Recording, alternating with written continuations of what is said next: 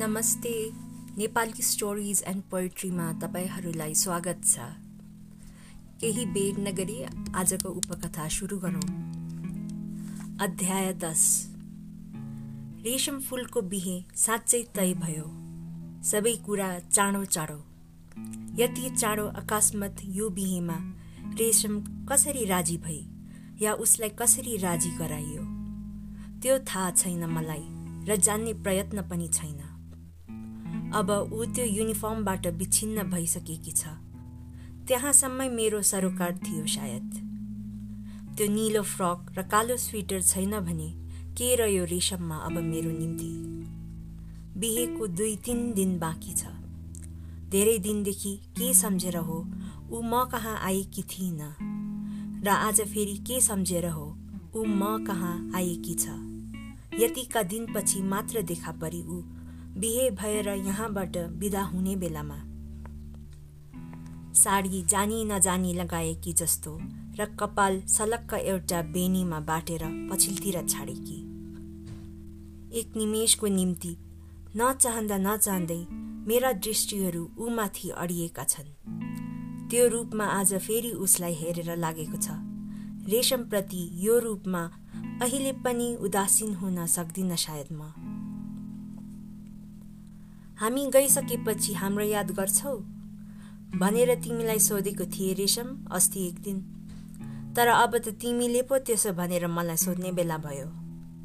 लौ सोध अब रेशम तिमी गइसकेपछि तिमीलाई म याद गर्छु कि गर्दिन भनेर। ऊ हाँसेकी छ कस्तो कस्तो प्रकारले। बिहे जस्तो ठुलो कुरा एउटी केटीको जीवनमा आउँदा दुखी सुखी केही जस्तो देखिन्न यो केटी। तर होइन। मैले नसोचेको जस्तो ऊ हाँस्दा हाँस्दै बिस्तारै निहुरी नपुगी। सोध त रेशम। ए सोध्दैनौ? ल त आफै भन्छु। रेशम तिमी धेरै याद आउनेछौ मलाई। पछि पछिसम्म याद आइरहनेछौ। ऊ अरू निहुरीकी छ? फेरि मन हुन्छ आज साँचो कुरा भनिदिउँ यो रेशमलाई। आखिरी उसको मनमा पनि त प्रश्नहरू होलान् जिज्ञासाहरू होलान्। अब यो गाउँबाट घरबाट विदा हुने बेलामा त्यो जिज्ञासाको पर्दाफास किन नगरिदिउँ म? किन कोही अनावश्यक विभ्रान्तिमा बाँचोस्? रेशम तिमी सोध्छौ होली नि मलाई किन याद आउनेछौ तिमी भनेर होइन? सुन हामीले शरदको आकाशमा उज्यालो जुनलाई हेरेर आत्मसात भए जस्तो। त्यो डाँडाको फुलहरू हेरेर भाव विभोर भए जस्तो। मेरो कोही त्यस्तै बाँचेको छ तिमीमा। तिम्रो समुचित व्यक्तित्वमा। तिमीलाई देख्दा त्यो सम्मोहन सधैँ जाग्छ ममा र तिम्रो सामिप्यको असाध्य मोह हुन्छ मलाई। रेशम सुधा पनि स्कुलमा पढ्थिन्। जहाँ तिमीले पढ्यौ। तिनी कोही होइनन् मेरो। केही साइनो छैन। साइनो लगाउन नसकिने। उनी तर कोही पनि हुन्। मेरो जसको आभास तिमीमा पाएर कसो कसो म झस्किरहने गर्दथे। आफ्नो कुराको प्रतिक्रिया पर्खे जस्तो अहिले रेशम फुललाई हेर्दैछु म। मेरो कुरा बुझ्यौ रेशम? कुनै उत्तर छैन। उँधो मुन्टो लगाएर चुपचाप बसिरहेकी छ। या बर्सिन लागेको बादल जस्तो हठात अँध्यारो छ नुहार। रेशम तिमी सानी भए पनि साथीलाई जस्तो मैले मन खोलेर कुरा गरेको तिमीसँग। बुझ्यौ होइन? बुझे अब राम्ररी बुझे। यसचोटि बिस्तारै शिर उठाएर भनी सर म त कत्रो ठुलो भुल सोचाइमा थिएछु। मैले त रेशम फुल मात्र भएर तपाईँबाट यो स्नेह र माया जस्तो केही पाएकी होइन रहेछु। सुधाको कारणले पो। मेरो स्वरूपमा सुधालाई हेरेर पो हामी जस्तो गरिब र साधारण केटीमाथि यसरी उदार हुनुभएको रहेछ तपाईँ त। अहिले भने बर्सिहाल्ला कि भने जस्तो भयो त्यो बादल। तपाईँले त मलाई माथि आकाशमा उचालेर फेरि भुइँमा नै फालिदिनु भयो सर। रेशमका आँखाहरूमा यति भनिसक्दा साँच्चै पोखरी जमे आँसुका। अचानक दुःखमा डुबे म। यस्तो प्रतिक्रिया होला भनेर त सायद सोचेको थिइनँ मैले। उसको कुराले भन्दा बढी अरू कुनै सत्यमा आत्मविस्मत छु म। सरल अबोध अपरिपक्व जस्तो देखिने केटीको मनमा पनि यत्रो कुराहरू रहेछन्। यसरी गम्भीरतासँग लिएकी रहेछ आफ्नो निम्ति मेरो स्नेहलाई उसले। अहिले अचानक उसको अघि हारेको जस्तो आफै सानो भए जस्तो अनुभव गर्दछु। प्रयुत्तरमा उसको चित्त बुझ्ने गरी के भनिदिनु पर्ने हो मैले सोच्न सकिरहेको छुइनँ। हवस् त सर। म जान्छु। अहिले जुरुक्क उठेर दुई हात जोडी निस्कन्छे रेशम। आँखामा आँसु छ।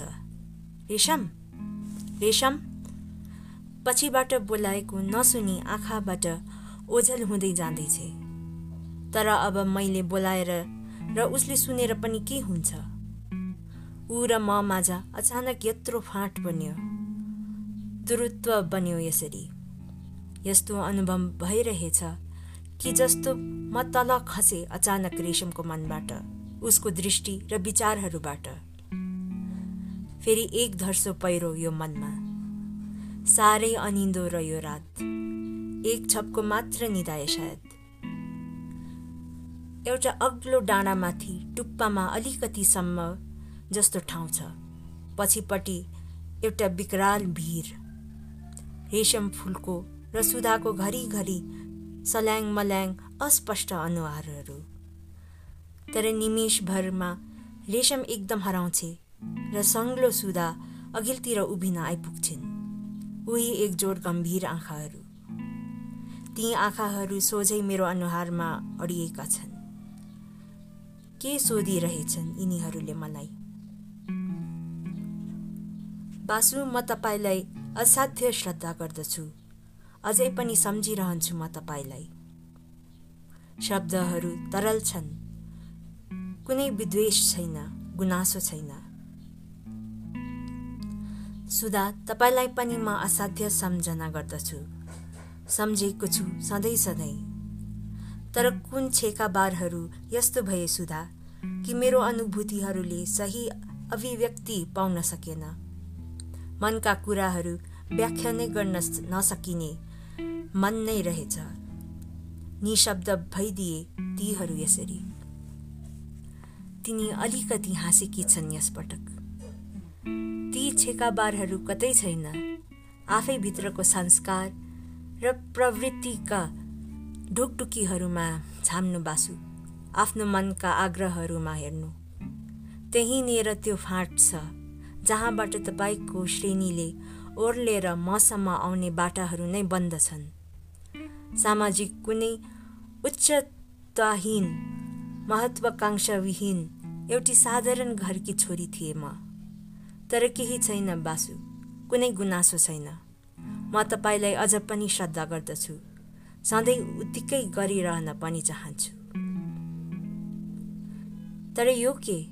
सुधा पछाडि पछाडि सर्दै जाँदैछिन्। आँखाहरू भने अझै पन्सिएका छैनन् मेरो अनुहारबाट। सुधा पछि नसर्नुहोस्। त्यहाँ भिड छ। यतिका उमेर र समयका तरेलीहरू मेरो जीवनमा चिप्लिएर त्यसै शून्यमा पुगे बासु। अब यही जीवनलाई पनि चिप्लन दिनुहोस् पछाडि सर्न छोडेकी छैनन्। सुधा बिन्ती छ। पछि नसर्नुहोस्। म कराउँदा कराउँदै उनी पछिल्तिर जम्मा लडिन्। मैले अघि बढेर माथिबाट हेरी पठाएको छु। केही तलसम्म लडेर उनी माझमा अल्झेकी छन्। सुधा आउनुहोस्। माथि उक्लनुहोस्। धन्यवाद बासु। मैले उक्लनु छैन। अब अरू जो खसे खसे। सुधा त्यहाँबाट फेरि झम्म तल लडेर गएकी छन्। कता पुगिन् कता। आफ्नै आवाजले अहिले बिउजी छु म। सम्पूर्ण शरीर पसिनै पसिनामा भएको छ। एक क्षण सामान्य हुने प्रयत्न गर्दछु। पसिना पुज्छु र उठी बत्ती बाल्छु। टेबलमाथि काँचको जगमा पानी छ। उठाएर त्यत्तिकै घटघट दुई तिन घुट्की पिउँछु र फेरि बिछौनामा बसेर एउटा चुरुप सल्काउँछु। अब निन्द आउने छैन कस्तो सपना? तल फ्याक्ट्रीको घन्टीले दुई बजेको सूचना दिन्छ। खुला आँखा अघि पनि अहिले बारम्बार उही गहिरा आँखाहरू देखा पर्न आइरहेछ र फेरि त्यो विकराल भिड। सपनामा त यति तटस्थ किन भए होला कि भिरबाट खस्न लागेकी सुधालाई समेत अघि बढेर मैले बचाउन सकिनँ? यो के मेरो मनको दुर्भावना र द्वन्द्वहरू मात्र हुन् त? यहाँ दिउँसो रेशमसँग भेटेको असर हो। सुधा को हुन् मेरो? किन उनी समयका फाँटहरूमा मेटिँदै जान भन्दा बढी अरू प्रखर हुँदै जाँदैछिन् किन स्मृतिमा अरू आलोकित छिन् उनी? रेशमको बिहेमा जाने सबै कुनै इच्छा रहेको छैन। तर नजान्दा फेरि मनेदाई र भाउजूले मन दुखाउन सक्छन्। तर यो मन दुख्नु नदुख्नु भन्ने पनि केही होइन भन्ने लाग्न थालेको छ आज भोलि। आज बिहे रेशमको। साँझ अस्पतालको काम सिद्ध्याएर एउटा उपहार बोकी म त्यहाँ पुगेको छु। एउटा कोठामा सजाइएको पलङमाथि पलेटी मारेर दुलहा दुलही बसेका छन्। रेशमसँग दौतर मिल्न गोरो रहेछ दुलहा धुवासी रङको कोट प्यान्ट र नेपाली बुट्टे ढाका टोपी र घाँटीको केही खदाहरू खुब खुलेको छ हातको उपहार रेशमलाई दिएर यति मात्र भनेको छु बिहेको धेरै धेरै बधाई र शुभकामना रेशम आँखाहरू झुकेका छन् काप्दो हातहरू बढाएर उपहार लिन्छे तर ओठहरू फेरि निशब्द छन्। मैले आफ्नो हातमा फेरि दुलहाका हात लिएर congratulation and best wishes thank you very much एउटा मिठो हाँसेर दुलहा। फेरि मौन दृष्टिहरू हाम्रै एकै क्षणलाई साटासाट भएका छन्।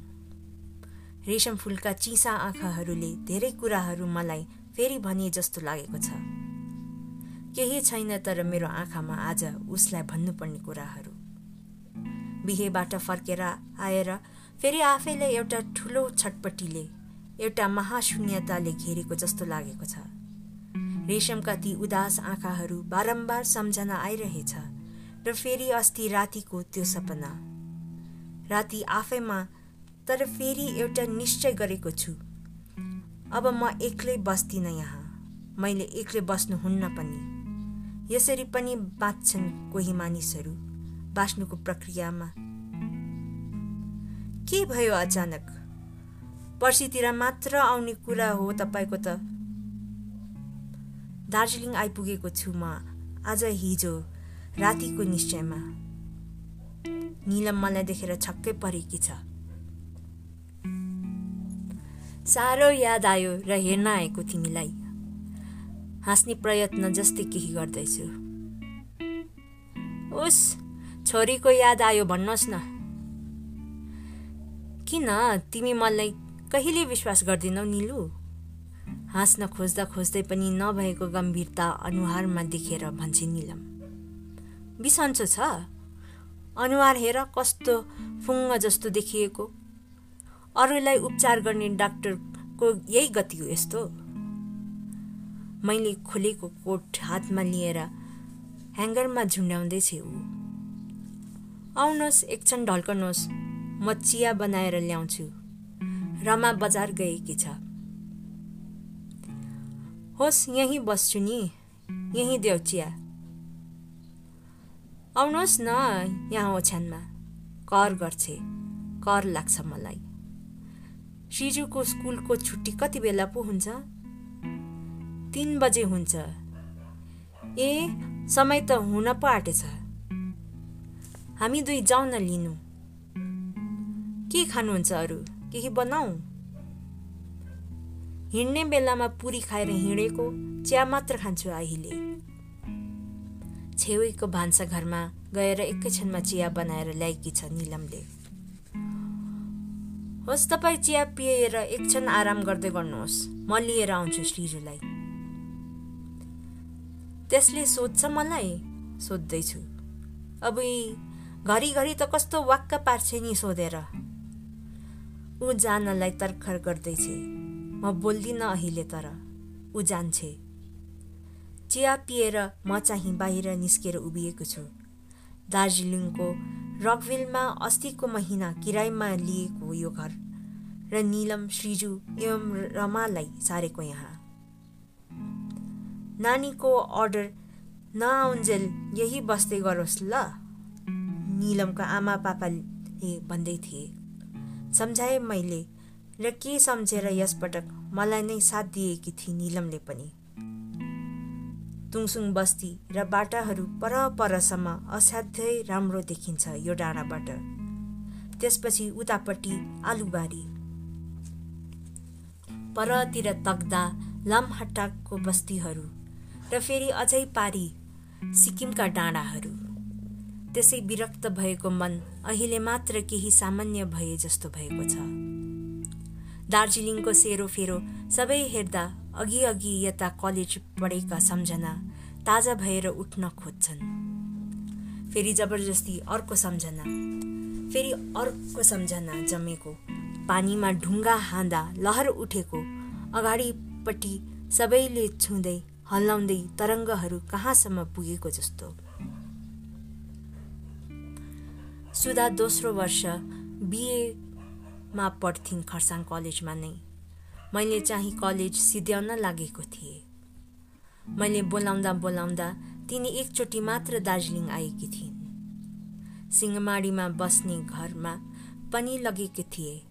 घरकी भाउजू खुब फर्साइली र मिलनसार। भाउजू यिनी मेरी साथी सुधा भाउजूलाई चिनाइदिँदा उनले भनेकी थिइन् वासुदेवले खुब कुरा गर्छ नि बहिनीको। कति बोलाएर ल्याउ न यहाँ पनि भन्दा भन्दा आज मात्र आउनुभयो। सुधालाई फेरि एकै क्षणमा लुटुपुटु पारिहालेकी थिइन् भाउजूले। घर आजै फर्किहाल्छु भनेको सुधालाई एक रात बसेर मात्र जान दिएकी थिइन् उनले। त्यो साँझतिर सुधालाई घुमाउन मन निस्केको थिएँ घरबाट। सिङमाडीबाट ट्याक्सीमा चढेर बजारसम्म र उकालो फेरि चौरस्तातिर लाग्यौँ हामी। धेरै दिनपछि आउनुभयो हगि दार्जिलिङ। मैले थाहा पाएदेखि यसै पटक हो। कि लुकेर आएर फर्कनुहुन्थ्यो। तिन चार वर्ष अघि आएको थिएँ योभन्दा अघि। फेरि त्यसै किन आइरहनु? त्यसै अरे म पनि त्यसै जान्छु अघि खरसाङ। कतिचोटि आउनुभयो र त्यस्तो बिग्न आँखा उठाएर सोझै मलाई हेरेकी छन् तिनचोटि आउनुभयो। कम भयो उनीलाई हेरेर मैले पनि। निरुत्तर जस्तो केही हाँसिन् मात्र यसपटक।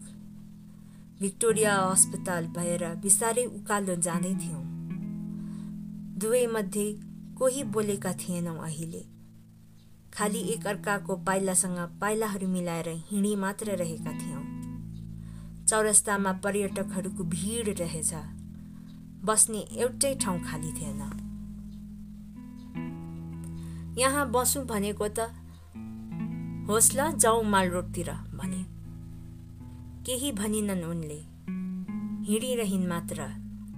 माल रोडमा पनि हावा खाने मानिसहरू उत्तिकै घरिघरि पर्यटकहरू चढेको घोडाहरूलाई बाटो छोडिदिनु पर्ने। बाटोमाथि र बाटो मुनि रातो सेतो चाँप गुराँस फुलिरहेका। अहो के राम्रो फुलेका रहेछन् गुराँसहरू? सुधा मुक्त भएर हेर्दै थिइन् यो सिजनमा मालरोड जति चक्कर लगाए पनि धित मर्दैन मलाई भने मैले। हर्मेन्टेजमाथि एउटा सिमेन्टको बेन्ची देखाएर फेरि भने यहाँ बसौँ एकछिन। घाम डुबिसकेको थियो डाँडा पछाडि। केवल त्यसको रातो अवेश र लालिमाहरू मात्र डाँडातिर छरिएका असाध्य सुन्दर देखिएको थियो। तल जङ्गलभित्र लेबोङ जाने बाटो टेढो बाटोहरू घरिघरि गाडीहरू हराउँदै निस्कँदै गरेको जस्तो गरेर कुद्दै थिए। लेबोङ के राम्रो देखिँदो रहेछ हगि यहाँबाट? तिनले फेरि आज मात्र दार्जिलिङ राम्ररी हेर्नुभयो जस्तो छ नि। हाँसेर भने मैले। वास्तवमा नै त्यहाँबाट लेबोङ जाने धुपीका रुखहरूमाझ छिरेर गएका घुमेका सडकहरू र रेसको ठुलो मैदान अवधि रमाइलो देखिएको थियो। फेरि त्यसको तल तल फुपछिरिङ कमानको हरियो चियाबारी। हेर्दा हेर्दै रेसको मैदान वरिपरि बत्तीहरू बल्न थाले। हामीले निकै बेर त्यहाँ बसेर ओह्रालो हेरेछौँ। जाउँ अब रात परिसक्यो भन्नु सँगसँगै उठिहालिन् सुधा। मलाई त यहीँ बसिरहनु पो मन लागे सुधा। म अझै पनि त्यो मैदानको वरिपरि बलेका झिलिमिली असङ्ख्य बत्तीहरूलाई हेरिरहेथे। मनमा एउटा अव्यक्त हलचल। ल बसिरहनुहोस् तपाईँ। म घरमा खबर गरिदिउँला यहाँ हुनुहुन्छ भनेर। हाँसीकी छन्। चौरस्तामा पर्यटक र स्थानीय मानिसहरूको भिड अरू बढिसकेको रहेछ। हामी ओह्रालो झर्न थाल्यौँ फेरि।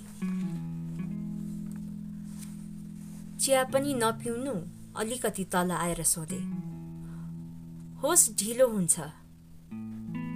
गाडी पाइहाल्छ नि। सिजनमा भरेसम्म चल्छ सिङमाडीको ट्याक्सी। नहिँडेर अहिले अडिएको छु र पनि मान्दिनन् उनी के साह्रो हौ तपाईँ त बल्ल बल्ल आउँदा पनि। चिया पिउँदा अलमल भएर धेरै ढिलो भइहाल्छ भनेर पो त।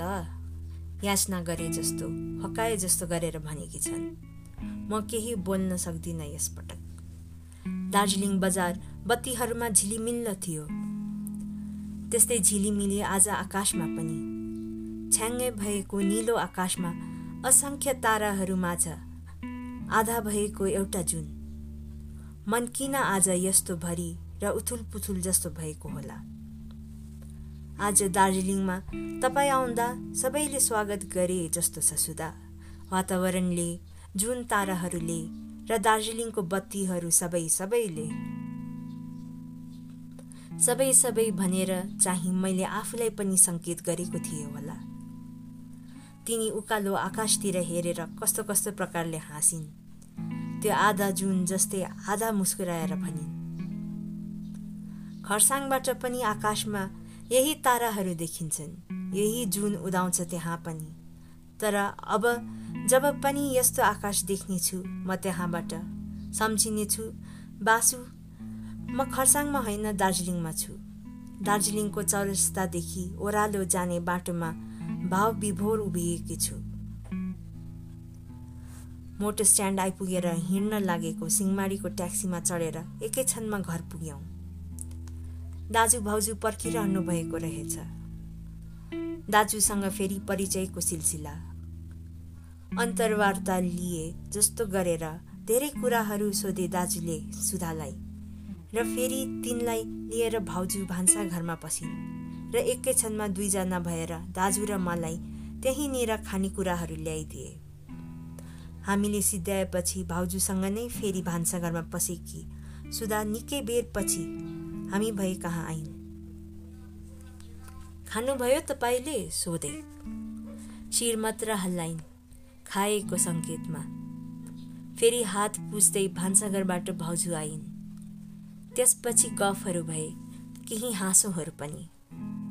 भाउजू जस्तो फर्साइली दाजु उस्तै गफी र ठट्टा गर्ने।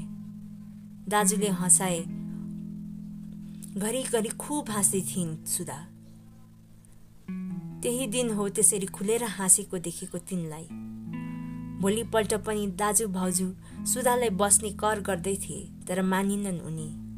जाने नै भइन्। म पुर्याउन जाउँ खरसाङसम्म? हिँड्ने बेलामा सोधेको छु। पर्दैन जान्छु नि। डेढ घन्टाको बाटो त हो। मैले घन्टाको हिसाब गरेको छुइनँ। पर्दैन जानु। ओर दोहोर मात्र कि मैले।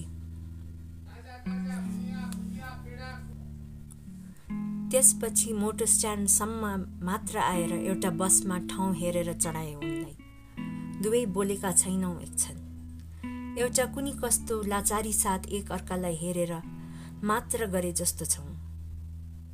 छिटै पत्र लेख्नुहोस् है गएर म बाटो हेर्छु। तिनी बोलिनन् गहिरा आँखाहरूले एकचोटि हेरिन् मात्र। सुधा अब कहिले आउनुहुन्छ दार्जिलिङ? फेरि सोधेको छु। केही भन्न सकिन्न। कहिले आउँछु भन्नु र बासु। बसमा म पनि चढेर भित्रै बसेको थिएँ। मोटरले हिँड्नलाई हर्न बजायो। म ओर्लेर फेरि तिनी बसेको झ्याल छेउ आएँ। सुधाले दुई हात जोडिन्। बस बिस्तारी बिस्तारी अघि बढेर आँखादेखि ओझल हुँदै गयो। मनमा अन्जान एउटा शून्यता लिएर घर फर्के म। पापा! परदेखि नै श्रीजुले बोलाएकोले मेरो विचारहरूको श्रृङ्खला भत्कियो। स्कुलको कलेजी कोट र खैरो फ्रकमा मेरो छोरी गुडिया जस्तो रहर लाग्दो देखिएकी छ। दुई चार पाइलाहरू अघि बढेर म त्यस कहाँ पुगेको छु। र एकचोटि जुरुक्कै उचालेर त्यसलाई गालामा मै खान्छु। स्कुल जानु मनपर्छ श्रीजु? पापा मेरो किताबको त्यो सबै म पढ्न सक्छु। मैले सोधेको नभनेर अर्कै कुरा भन्छे त्यो। भेरी गुड मलाई अहिले पढेर सुनाउनु पर्छ है। रामा आइसकेको छ बजारबाट। हामीलाई चिया बनाएर ल्याइदिन्छे र सृजनालाई लिएर भित्र जान्छे। चिया पिएर म झ्यालबाट ओह्रालो हेरेर बसेको छु। तपाईँको केही खबरहरू आएन? आयो त निलम सुनाउन भुलेछु।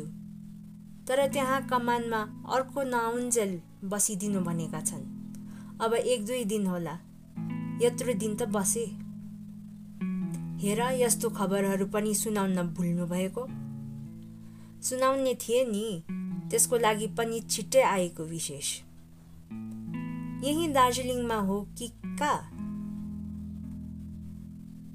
हेर विश्वास नगरी कि फेरि? यहीँको लागि त आवेदन गरेको अरू कहाँ हुन्छ र? यही सदर अस्पतालमा। होस् बरु म दुई वर्ष दुःख गर्छु। तपाईँ एमडीको लागि सक्दो कोसिस गरेर भए पनि जानुहोस्। साह्रो आदकल्छु जस्तो केही न केही लाग्यो मलाई यो एमबिबिएस मात्र गरेर। त्यत्रो लामो दुःख गरेर पढेर पनि। यहाँ आइहाल्नु न पहिला निलम त्यसपछि हेरौँला। कालेबुङ छँदा के कम प्रयत्न गरेको हो र? त्यसै त कमानतिर पसेको होइन म। त्यहाँ त बुबा हुनुहुन्थ्यो। टाढा भए पनि फेरि ठुल्दाई। तर अब म उनीहरूलाई केही दुःख दिन्न आफ्नो लागि आफै गर्छु सबै। निनिमेष हेर्दैछ निलम मलाई। तर यसरी इच्छा गरेर निराशाको अँध्यारोमा हराउनेहरू यहाँ धेरैजना छन् निलु। मैले त एमबिबिएससम्म पनि गर्न सकेँ। तर बुबाले मेरो निम्ति जस्तो प्रकारले चेष्टा गर्नुभयो। म त्यस्तो प्रकारले गर्दिनँ। त्यो आम मानिसहरूले गर्न सक्ने ढङ्ग पनि होइन। म आफ्नो निम्ति आफ्नो ढङ्गले गर्नेछु। एउटा कुरा भन्छु रिसाउनुहुन्न? भन न रिसाउँदिन। के भन्न लागेकी छ निलम? बेथनीमा पहिला मैले गरेको पदमा मलाई फेरि बोलाउँदैछ। दिनभरि मलाई साह्रै बोर हुन्छ। म जाउँ तिमीलाई साह्रै गर्न मन लागेको छ? तपाईँलाई नगर्नुहोस् भन्ने लागेको छ? होइन। मेरो अभिप्राय त्यो होइन। तिमीलाई मन छ भने गर। तपाईँले रिसाएर भन्नुभयो होला। लौ हेर धर नदिए कि केही भन्दा पनि। तपाईँ पहिला यहाँ आइहाल्नुहोस् न त ल। तपाईँ पनि व्यस्त हुनुहुनेछ। श्रीजु पनि स्कुल। म रकविल डाँडाको त्यो घरबाट फेरि ओह्रालो हेर्दैछु। निलम जाउँ एक चक्कर घुमेर आउँ माल रोडतिर धेरै भयो म त्यतातिर गएको छुइनँ। श्रीजुलाई पनि लैजाउँ। नलैजाउँ त्यसलाई। पढ्नुपर्छ होमवर्कहरू थुप्रै हुन्छन्। त्यो एक्लै बसेर के पढ्न सक्छ? आज एक दिन तयार पार त झट्टै त्यसलाई। ए खुब पढाउने रहर तपाईँले त छोरीलाई। रमालाई बोलाएर फेरि तयार पारिदिन लगाउँछे श्रीजुलाई निलमले र आफू पनि तयार हुन थाल्छे। तुङसुङको बाटो भई चौरस्तामा पुग्छौँ हामी र फेरि सिधै महाकाल डाँडाको तल तल भएर मालरोडकै तेर्सो अघि बढ्छौँ। सृजना मेरो औँला समाएर हिँड्दैछ। छोरी आफै हिँड त नसमाई हिँड। यहाँ त आइज श्रीजु मपट्टि हिँड। नसमा मेरो पापालाई। होइन निलम आफै हिँड्न देऊ न त्यसलाई। फेरि छोरी आफै हिँड्छे। अब आफै हिँड्न दिनुपर्छ हाम्रो छोराछोरीलाई। निलमले सृजनालाई अहिले आफ्नो औँला समाएर हिँड्न दिएकी छ। नसुन तेरो पापाको कुरा। पगला हुन्छौँ हामी। र फेरि आफै हाँस्दैछ। यस्तो डाक्टर पनि हुन्छ भनेर मैले त चिताएकै थिइनँ। म पनि हाँस्छु केही नलागेर। अप्रेल महिना दार्जिलिङको माल रोड वरिपरि गुराँसहरू फुलेर पनि नखिन्न लागिसकेको छन्। अघि अघि भन्दा तर थोरै छन् बोटहरू नै। भए जतिहरू पनि ठाउँ ठाउँमा हाँगाहरू भाँचिएका। के गरेको होला मान्छेले यो? कमसे कम चाँप गुराँसलाई यसरी मासिनु नदिनु नि। के रहनेछ नत्र यो पहाडको मौलिकता? हर्मन्टेज माथिबाट लेवोङ रेसको मैदान र जङ्गलभित्र साँप जस्तो किरिङ मिरिङ बाटाहरू आज पनि उत्तिकै रमाइला देखिँदैछ। एकछिन यहाँ बसु न निलम। यस्तो चिसो सिमेन्टको बेन्चमा बसेर कसरी बस्नु? होस् जाउँ चौरस्तामा बसु। तर मलाई हिँड्न मन लागेको छैन।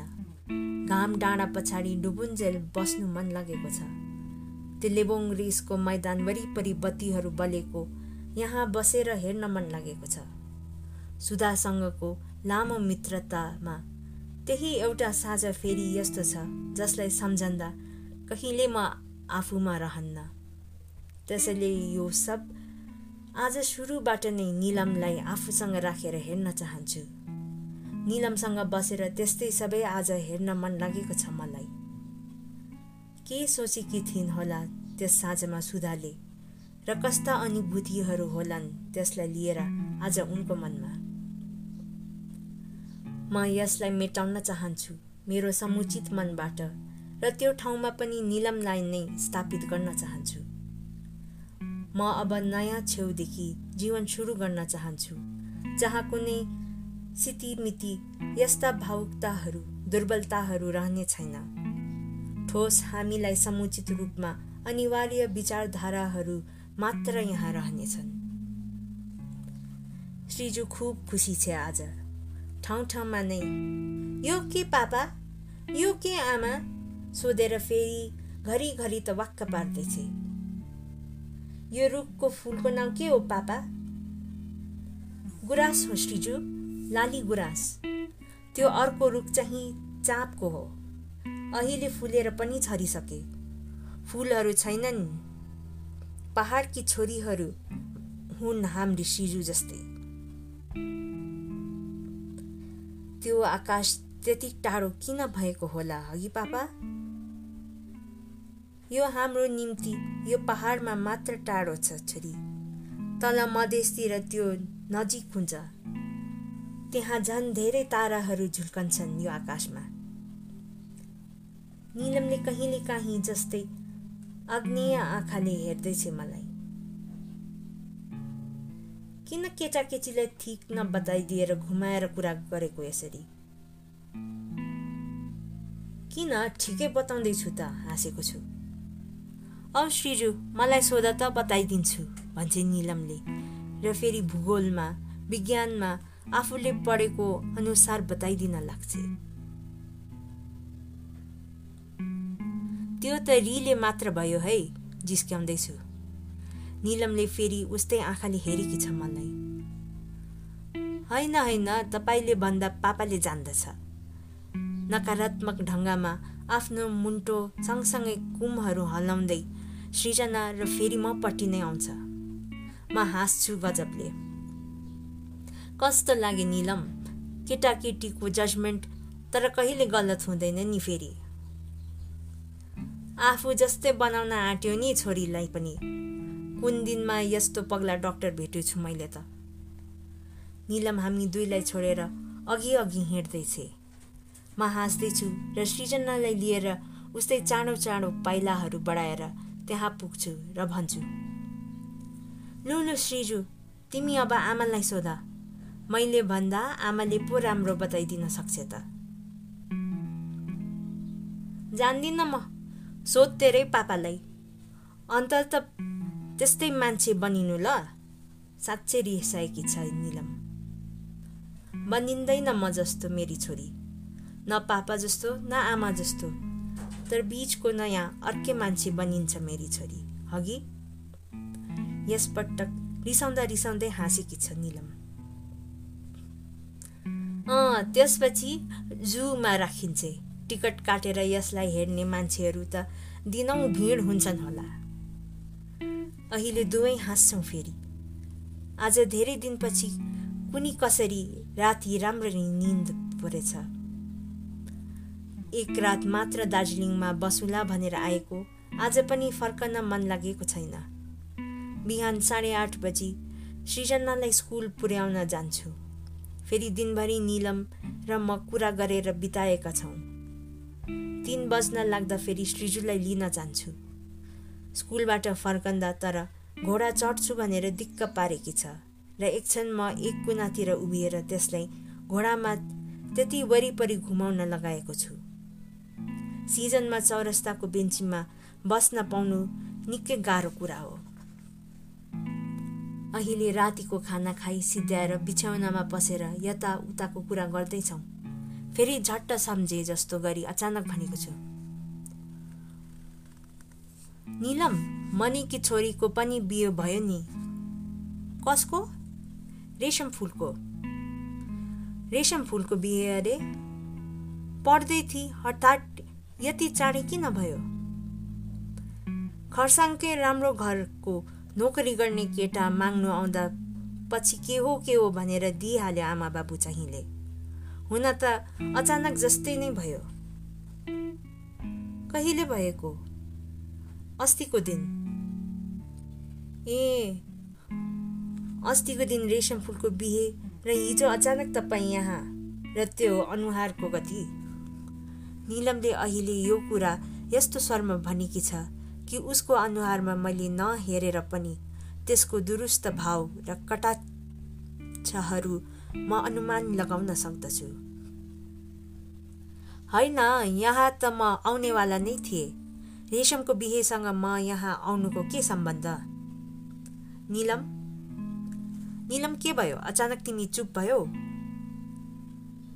अह पटक्क बोलेकी छैन। पर सरेर भित्तापट्टि फर्कन्छे र त्यता फर्केर नै बेड स्विच दबाएर बत्ती पनि निभाइदिन्छे बरु। निलम तर किन बोलेकी छैन? के सम्झेर अचानक ऊ चुप भएकी हो? त्यो मलाई केही केही थाहा छैन। तर जे सुनेर ऊ यस्तो भई त्यो त्यस्तो महत्त्वपूर्ण केही नभए पनि मैले भन्नुपर्ने अनिवार्य कुरा नै थियो। किनकि त्यो कुरालाई अहिले मैले भन्दा जे प्रतिक्रिया भएको छ नभन्दा सायद त्योभन्दा दोब्बर। अरू प्रतिकूल स्थिति जन्मन सकिने थियो तर बिना कारण। निलम मैले बुझेँ नि किन रिसायो भनेर? छिछि निलम रेशम मेरी बहिनी छोरी जस्ती सानो उमेरकी केटी होइन? हामी कालिम्पोङबाट कमान गएको बेला ऊ कत्रो थिए। तिमी आफै भन त। भन्न त भनेको छु भन्नलाई यति कुरा। तर त्यो कहाँसम्म सही रूपले दृढ बसेको छ? कहाँ खुस्केको छ र कहाँनिर कमजोर छु म? त्यो ठिक आफै भन्न सकेको छुइनँ अहिले। निलम निलम साँच्चै बोलेकी छैन अझै बोल्दिनँ। म उकुस मुकुस हुँदै जाँदैछु। उसलाई बुझाउन सक्ने गरी के भनिदिनुपर्ने हो मैले? निलम तिमी बोल्दिनौ होइन त? नभनेसम्म मैले कसरी बुझ्नु? कसरी तिमीसँग कुरा गर्ने? एकदम चकमन्न। आफैमा एउटा निर्णय लिएर यसपटक निलमका अघि मानसिक रूपले आत्मसमर्पण गर्न आएको होइन र म? तर यसरी सधैँ सोचे भन्दा चाहे भन्दा विपरीत स्थितिहरू म कहाँ आइदिन्छन्? किन जोडिँदै कतै पनि यो मन? बरु फाट्दै जान्छ। अब निलम बोलिन भने र मैले केही भन्न पाइनँ भने यो चिसो फाँट फैलिएर फेरि कहाँसम्म पुग्न सक्छ साँच्चै किन अचानक दार्जिलिङ आउनु परेछ मलाई? के अरू भट्कनलाई? मानसिक रूपले नै के अरू विघटन हुनलाई?